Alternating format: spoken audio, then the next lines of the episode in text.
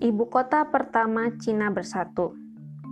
Aku pertama kali mendengar tentang kota Xi'an dari seorang teman kerja yang emang berasal dari sana, empat tahun yang lalu.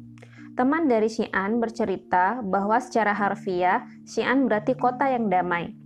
Kota ini adalah ibu kota pertama Cina bersatu, sebuah negara luas hasil kumpulan satu negara penakluk dan lima negara taklukan.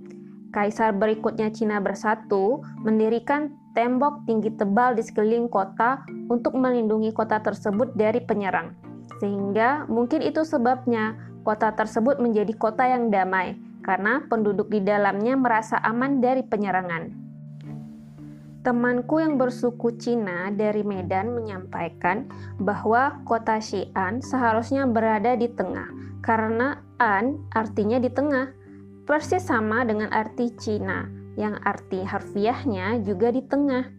Lokasi kota ini di peta Cina emang berada di tengah-tengah. Cocoklah dengan namanya. Kota ini harus menjadi titik awal perjalanan jalur sutra karena Kaisar Cina yang waktu itu bermakas di Xi'an lah yang berinisiatif mengirim seorang utusan ke arah barat untuk mencari sekutu guna menghadapi penyerangan dari utara. Perjalanan ke arah barat itu tidak menghasilkan sekutu karena bangsa Uighur yang berada di sebelah barat Cina waktu itu hidup dalam keadaan sangat damai dan tidak tertarik pada peperangan atau persekutuan militer. Meskipun sekutu militer tidak didapat, utusan tersebut berhasil menjadi perintis sebuah jalur perdagangan internasional penting yang menghubungkan sedikitnya empat peradaban besar, yakni Asia Timur, Asia Selatan, Afrika, dan Timur Tengah, serta Eropa. Sekarang, Xi'an tidak menjadi ibu kota Cina lagi, karena Xi'an dulu terlalu sering diserang sehingga ibu kota Cina kemudian dipindahkan ke Beijing, yang lebih ke timur lagi, agar lebih jauh dari tanah bangsa Mongolia yang gemar menyerang Cina. Entah kenapa bangsa Mongolia sering menyerang Cina. Hmm, kapan-kapan kalau keadaan memungkinkan dan cukup aman, semoga aku bisa jalan-jalan ke Mongolia. Di awal perjalananku, tampaknya bangsa Cina hanya berperang di antara sesama bangsa Cina, dan tembok Cina yang membentang di bagian utara dari timur ke barat itu memang lebih ditujukan sebagai pertahanan diri. Baru kemudian menjelang hari terakhir perjalananku, aku tahu bahwa bangsa Cina juga menyerang wilayah bangsa lain. Bahkan Vietnam yang berada di selatannya mengaku pernah terjajah selama seribu tahun oleh Cina. Wallahu alam. 10 menit berlalu. Ternyata tidak ada bencana apa-apa yang menimpa pesawatku. Atau mungkin ini adalah karena doa yang dikabulkan Allah. Apa pun sebabnya, alhamdulillah tidak lama setelah pesawat berguncang, awan langsung bersih dan pesawat mendarat di Bandara Xi'an dengan mulus. Bandara yang lebih kecil daripada bandara di Guangzhou, tetapi lebih besar bila dibandingkan dengan Bandara Yogyakarta atau Bukit Tinggi. Edi pandai sekali memilihkan hotel untukku, sehingga petunjuknya mudah sekali. Naik bus bandara nomor satu, lalu turun di perhentian terakhirnya, tepat sebelah Bell Tower, jalan ke arah utara. Hmm, betul-betul traveler kawakan temanku yang satu ini. Kalau aku yang memilihkan hotel untuk Edi dan Abi di Jakarta, aku mungkin akan bilang, naik taksi ke hotel ini. Karena mungkin tidak terpikir olehku untuk mencarikan hotel yang super mudah dicari seperti ini. Lagi pula, rancangan kota Jakarta emang tidak ramah wisatawan.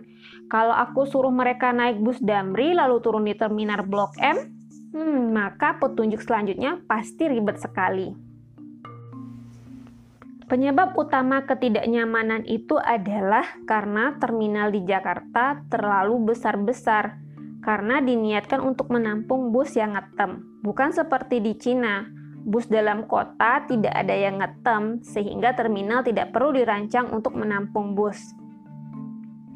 Di sepanjang tol keluar dari bandara, tampak rancangan lalu lintas yang cerdas, yang aku belum pernah lihat di Indonesia. Misalnya, kalau ada tiang besar di tengah tol, karena ada jembatan yang melintas di atas tol itu, jauh sebelum tiang jembatan itu kira-kira 500 meter, Mulai ada taman bunga selebar tiang yang membuat pengemudi secara otomatis menghindar sebelum ketemu tiang itu. Persis di ujung depan taman bunga-bunga itu dipasang lampu lalu lintas yang berkelap-kelip merah kuning. Hal ini sungguh berbeda dengan pembatas jalan menuju tol di depan Malcibubur Junction yang penuh dengan baret karena sudah tertabrak entah beberapa ratus mobil dan tidak melihat pembatas jalan itu karena memang tidak ada penandanya hingga sekarang. Sebuah papan elektronik menyampaikan suhu udara pukul 8 malam ini adalah 9,9 derajat Celcius. Pakai satu angka di belakang koma, kenapa tidak dibilang 10 derajat saja ya? Mungkin karena perbedaan setengah derajat pun bagi mereka penting. Hmm, kelembapan nisbi 73%, angin bertiup ke arah barat. Kalau ada papan informasi serupa di Jakarta, kira-kira apa berguna? Mungkin kalau di Bukit Tinggi berguna, kalau di Bandung Utara juga berguna. Tapi kalau di Jakarta, mungkin semua orang merasa bahwa suhu udara 30 derajat atau 32 derajat Celcius sama aja rasanya karena kelembapan nisbi yang selalu di, di atas 80% itu. Meskipun menjaga kelembapan dan kelem keremajaan kulit, tetapi menyesakkan paru-paru. Bus melewati sebuah gerbang besar dari dinding yang sangat tinggi dan sangat tebal. Tebalnya kira-kira sama dengan dua kali panjang bus. Dinding ini panjang ke arah kiri dan kanan, dan mungkin melingkari seluruh wilayah yang disebut kota Xi'an.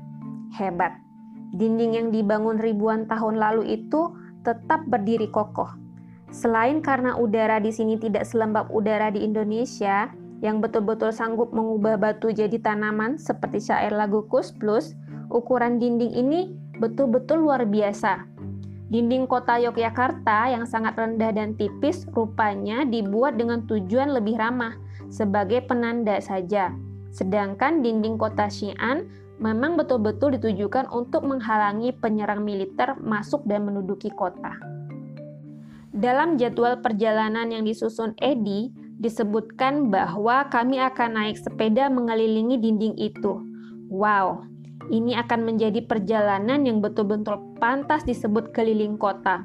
Aku sungguh berharap bisa melakukan perjalanan itu besok. Xi'an tampak lebih tradisional ketimbang Guangzhou.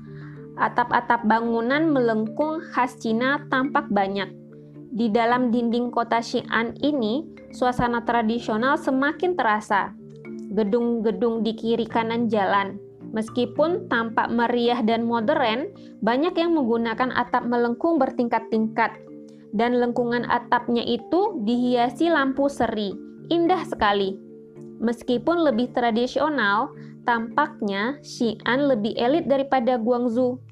Gedung-gedung di Guangzhou umumnya rumah susun yang sudah lusuh. Sedangkan gedung-gedung beratap tradisional di Xi'an ini tampak lebih mewah. Dari dalam bus, aku melihat becak versi Xi'an yang tidak ada di Guangzhou. Becaknya beroda tiga, tetapi pengemudinya ada di depan duduk di atas tengah motor, mirip bajai, tetapi supirnya tidak diberi atap. Sebuah dam digital di dinding sebuah bangunan di belakang kumpulan becak menunjukkan pukul 20, 20, 19. Lalu berganti menjadi 20, 20, 20. Kalau sekarang suhu udara hanya 10 derajat Celcius, berapa dingin kan suhu udara pukul 4 pagi di sini? Bus bandara yang aku tumpangi berhenti persis di seberang sebuah bangunan berbentuk bangunan lama. Besar sekali. Ini pasti yang disebut bell tower yang terkenal itu. Mungkin ini dulu tempat lonceng yang akan didentangkan kalau ada pengumuman yang akan disebarkan ke penduduk. Seperti halnya di Jakarta, semua penumpang yang turun dari bus disambut sopir taksi dan tukang becak yang menawarkan jasa mereka. Tapi aku tidak perlu taksi. Aku tahu bahwa Edi berpikir aku bukan pejalan tahan banting, sehingga kalau dia bilang aku bisa jalan kaki saja, maka jarak hotelku pasti sangat dekat. Seorang mendekatiku menawarkan sesuatu dalam bahasa yang aku tidak pahami. Bahasanya mungkin Mandarin, tetapi aku mendengar banyak huruf yang diproduksi di atas rongga mulut dan di bawah tenggorok, seperti huruf Arab. Aku jawab, I don't speak Chinese, I can only speak English. Dan berbahasa Indonesia tentu saja. Alhamdulillah, sepasang muda-mudi yang turun dari bus yang sama mendengar, dan pria yang bertanya kepadaku dengan maksud menolong, kamu mau ke mana? dalam bahasa Inggris yang sangat fasih. Aku menjawab, ke utara. Dia menunjuk seberang jalan. Utara itu ke sana. Aku mengangguk dan tersenyum. Terima kasih. Di seberang jalan ada bell tower itu, dan sebuah bangunan yang tampak seperti hotel yang cukup bagus, terdiri dari lima lantai dengan tulisan Cina dari neon besar di atasnya. Beberapa hurufnya tampak mirip seperti huruf nama hotel tujuanku di kertas di tanganku. Tapi bagaimana caranya menyeberangi jalan selebar ini?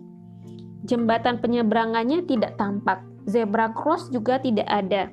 Pejalan kaki yang akan menyeberang yang bisa aku tebengi, cara menyeberang juga tidak ada. Sepanjang jalan ini, Pembatas jalurnya dipagari dari ujung ke ujung, sehingga aku tidak melihat cara untuk bisa menyeberang jalan sama sekali.